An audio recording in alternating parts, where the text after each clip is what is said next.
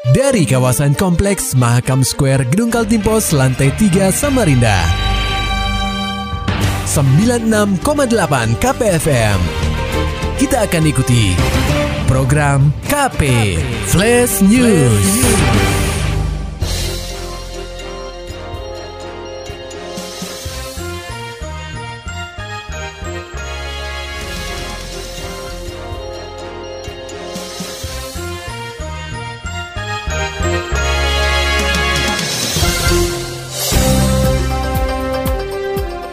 KP, Dinas Perhubungan Provinsi Kaltim selalu melakukan pengecekan berkala terhadap angkutan umum seperti bus antar kota dan provinsi guna persiapan arus mudik lebaran 2019.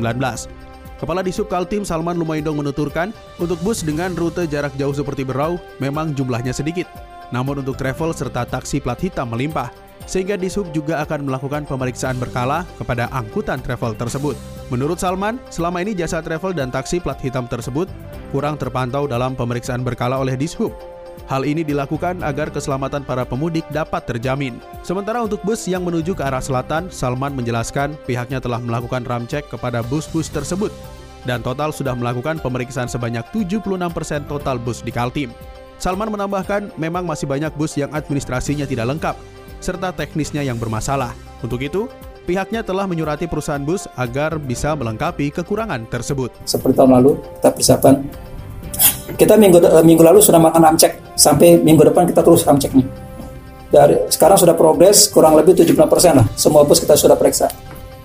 Ada yang mohon maaf administrasinya bermasalah, ada yang teknisnya bermasalah itu sudah sudah kita surati semua untuk diperbaiki.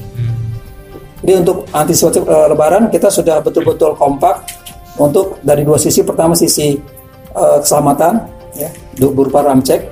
Yang kedua sisi uh, administrasinya. Kita betul-betul jangan sampai ada kendaraan yang tidak punya izinnya. Jadi masalah juga. Lebih jauh Salman mengatakan untuk antisipasi arus mudik lebaran, sejauh ini pihaknya sudah melakukan segala cara. Mulai dari proses ramcek sampai pemeriksaan administrasi kendaraan. Diharapkan saat arus mudik nanti tidak ada kendaraan yang perizinan dan administrasinya belum lengkap. Berita selanjutnya, meskipun meraih predikat wajar tanpa pengecualian atau WTP berdasarkan hasil audit dari Badan Pengawas Keuangan atau BPK Republik Indonesia, namun Pemprov Kaltim harus segera menindaklanjuti catatan yang diberikan BPK terkait laporan keuangan Pemprov tahun 2018. Patut diketahui, terdapat tujuh catatan yang diberikan BPK terhadap laporan keuangan Pemprov Kaltim Salah satunya adalah mengenai penyerahan aset dan kabupaten atau kota kepada provinsi terkait gedung sekolah. Kepala BPK RI Perwakilan Kaltim Raden Kornel Syarif Prawi Diningrat mengatakan, dalam laporan keuangannya ada beberapa laporan yang menyatakan bahwa beberapa gedung sekolah mengalami kerusakan. Namun setelah BPK melakukan pengecekan ternyata masih bagus. Sama, semua semua pentingnya seperti penyerahan eh, penyerahan aset dari uh, kabupaten terhadap provinsi terkait sekolah SMA, SMK ya. Masih ada persoalan-persoalan itu karena dilaporkannya rusak ternyata setelah dicek oleh BPK oh, masih bagus dikatakan hilang ternyata ada barangnya. Nah itu kan masih harus diselesaikan tapi tidak terlalu material.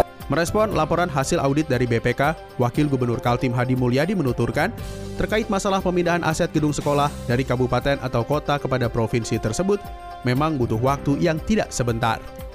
Ya itu karena kan ada proses pemindahan dari kabupaten ke provinsi, perlu waktu lah. Nah, itu kan yang paling banyak betul-betul ini di dokumennya ini Pak. Di jadi tahun betul betul itu ya pemindahan aset yang yang enggak beres dari SMP ke SMP itu pak. perkaranya ada di dokumen selalu terulang. yang enggak enggak terulang berarti belum selesai ya. Jangan kan ini pembebasan tol tujuh tahun bukan tiga tahun lagi. Karena ada mungkin ada masalah nanti akan pelajari masalahnya apa untuk menindaklanjuti catatan dari laporan hasil pemeriksaan BPKRI, Hadi akan mempelajari terlebih dahulu catatan tersebut. Hadi juga meminta kepada seluruh pihak agar bisa menindaklanjuti catatan dari BPK sesegera mungkin. Sementara itu, Polresta Samarinda menggelar apel pasukan operasi ketupat Mahakam guna mempersiapkan pengamanan jelang Hari Raya Idul Fitri 1440 Hijriah di halaman Mako Polresta Samarinda, Selasa 28 Mei 2019. Laporan selengkapnya akan disampaikan reporter KPFM Samarinda, Muhammad Nur Fajar. Pendengar KP, Polresta Samarinda bersama dengan personil gabungan menggelar apel operasi ketupat Mahakam di halaman Polresta Samarinda pada Selasa 28 Mei 2019. Operasi ketupat ini dipersiapkan guna melakukan pengamanan jelang arus mudik serta pelaksanaan Hari Raya Idul Fitri 1440 Hijriah. Kapolresta Samarinda, Kombes Pol Vendra Rivianto mengatakan, operasi ketupat tahun ini tentu sangat berbeda dibanding tahun sebelumnya. Vendra menjelaskan, pada tahun ini pihaknya juga ditugaskan untuk menjaga kondisivitas keamanan pasca pelaksanaan pemilu serentak tahun 2019. Tidak tanggung-tanggung, 600 personil gabungan dari TNI, Polri, Satpol PP, serta Dinas Perhubungan atau Disub siap membantu pelaksanaan operasi ketupat tahun 2019. Vendra mengungkapkan, fokus operasi ketupat tahun ini berpusat di empat titik, yaitu jalan raya, masyarakat yang hilir mudik, aktivitas masyarakat seperti bagarakan sahur, dan pengamanan tempat-tempat ibadah jelang Hari Raya Idul Fitri. Tadi seperti yang uh, kami bacakan amanat Bapak Kapolri. Jadi memang tahun ini uh, pasti berbeda dengan 2018. Di mana 2018 kita pure melaksanakan kegiatan pengamanan ketupat. Dan tahun ini kita di samping menunggu uh, tahap akhir daripada rangkaian pemilu 2019 ada digabungkan dengan operasi ketupat ini. Sehingga uh, ini satu hal yang bagus buat kita dan masyarakat bahwa kegiatan-kegiatan selama bulan suci Ramadan sekali juga menjelang operasi ketupat kita ber, uh, bisa bersatu dalam rukun dan damai. Agar pelaksanaan Hari Raya Idul Fitri bisa berlangsung dengan aman, Vendra mengharapkan masyarakat bisa memaknai bulan suci ini dengan menjaga kerukunan serta toleransi antar sesama, sehingga kondisivitas keamanan di Kaltim tetap terjaga saat perayaan Idul Fitri. KPFM Samarinda, Muhammad Nur Fajar melaporkan.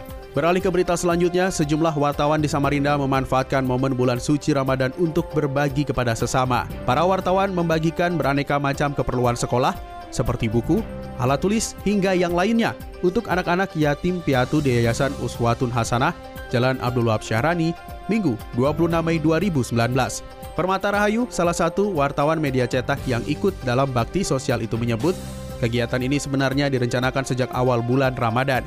Akhirnya bakti sosial dapat terrealisasi dan diserahkan langsung ke pengurus panti asuhan. Supaya uh, acara-acara seperti ini tidak uh, hanya terjadi kali ini, semoga di tahun-tahun selanjutnya juga bisa tetap memberikan sumbangan seperti ini, uh, menyisikan sedikit rezeki, terus juga supaya tidak di momen-momen Ramadan seperti ini aja. Emang besarannya sih nggak besar, nilainya juga nggak mahal.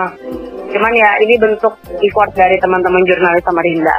Sementara itu pengurus Yayasan Uswatun Hasanah Ustadz Ade Koswara Al-Hafiz mengapresiasi apa yang telah dilakukan oleh jurnalis Samarinda. Dia berharap kegiatan sosial tersebut dapat terus dilakukan. Sangat apresiasi teman-teman dari jurnalis Samarinda. Mudah-mudahan ini kegiatan bisa kami di sini adik-adik semua. Mudah-mudahan tidak putus sampai di sini. Mudah-mudahan berkesinambungan. Dengan kegiatan bakti sosial tersebut, para pewarta juga ingin mengajak masyarakat umum lainnya untuk dapat saling berbagi dengan bentuk apa pun, terutama kepada anak yatim piatu maupun kaum duafa. BPJS Kesehatan fasilitasi kesehatan peserta mudik keluar kota. Berita selengkapnya disampaikan reporter KPFM Samarinda, Maulani Alamin.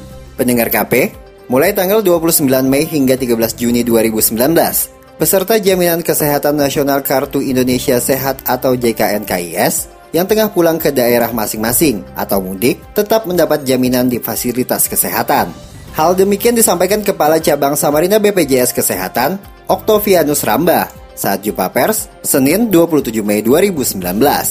Okto menjelaskan, peserta JKN KIS yang sedang mudik dan berada di luar kota dapat mengunjungi fasilitas kesehatan tingkat pertama atau FKTP setempat.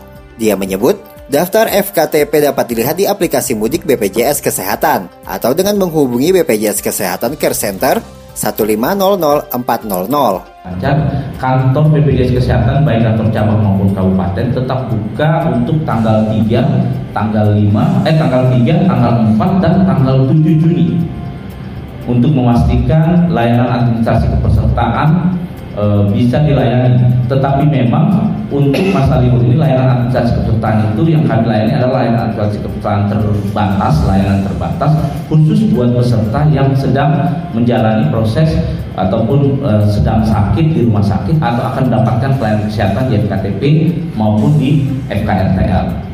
Okto juga mengingatkan Pelayanan kesehatan tersebut hanya berlaku bagi peserta JKN KIS yang berstatus kepesertaannya aktif. Oleh karenanya, para peserta JKN KIS diharapkan disiplin membayar iuran khususnya peserta yang sedang mudik dan selalu membawa kartu JKN KIS. KPFM Samarinda, Maulani Al-Amin melaporkan. Beralih ke dunia olahraga, Pengprov Persatuan Sepak Takraw Indonesia atau PSTI Kaltim akan segera menggelar kejuaraan provinsi atau kejurprov usai lebaran yang rencananya akan diagendakan pada tanggal 25 Juni 2019. Hal ini disampaikan oleh Ketua Pengprov PSTI Kaltim Jahidin melalui Sekretaris Umum Darmin Balfas yang mengatakan kejurprov sendiri dalam rangka menjaring para atlet untuk membentuk tim prapon mendatang. Diketahui, Prapon akan berlangsung pada bulan Agustus mendatang di Tarakan. Nantinya usai kejurprov akan dipilih untuk nomor tanding double tim putra-putri masing-masing sebanyak 9 atlet dan 2 ofisial. Sementara nomor beregu sebanyak 5 atlet dan 1 ofisial. Pemprov PST Kaltim eh, mengejar target untuk melaksanakan kejurda pada tanggal 25 Juni 25 Juni. Iya, 25 Juni. Harapannya itu 25 Juni. Iya, mudah-mudahan dengan rencana itu ditindaklanjuti oleh Kanikal Tim untuk eh, penganggaran anggar, eh, eh, penganggaran dana. Berbicara mengenai Prapon nanti, Kaltim sendiri masuk dalam wilayah tiga, di mana ada Jawa Timur, Jawa Tengah, Yogyakarta, Bali, NTT, NTB, serta Kaltara. Maulani Alamin, Muhammad Nur Fajar, KPFM Samarinda. Demikian tadi telah kita simak rangkaian berita-berita yang terangkum dalam program KP Flash News. Persembahan dari 96,8 KPFM. Terima kasih dan sampai jumpa.